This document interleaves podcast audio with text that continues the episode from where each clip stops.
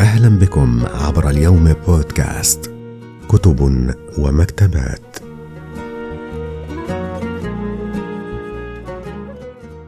كتاب ثلاث سنوات في بلاد النخيل.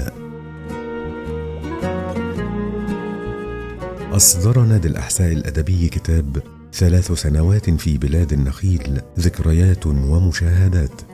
من تأليف الدكتور حمد بن ناصر الدخيل ويحمل الرقم مئة من إصدارات النادي. يقع الكتاب في 125 صفحة ويدون المؤلف فيه تجربته وذكرياته ومشاهداته في الأحساء.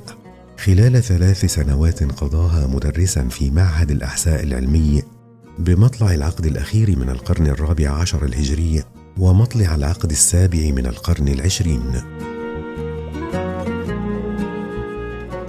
يمتاز الكتاب بمعلوماته النادرة التي لم تدون في كتاب من كتب التاريخ في تلك المدة ويتضمن مادة سردية مشوقة صيغت بأسلوب أدبي مميز تضاف إلى ما كتب عن الأحساء قديما وحديثا.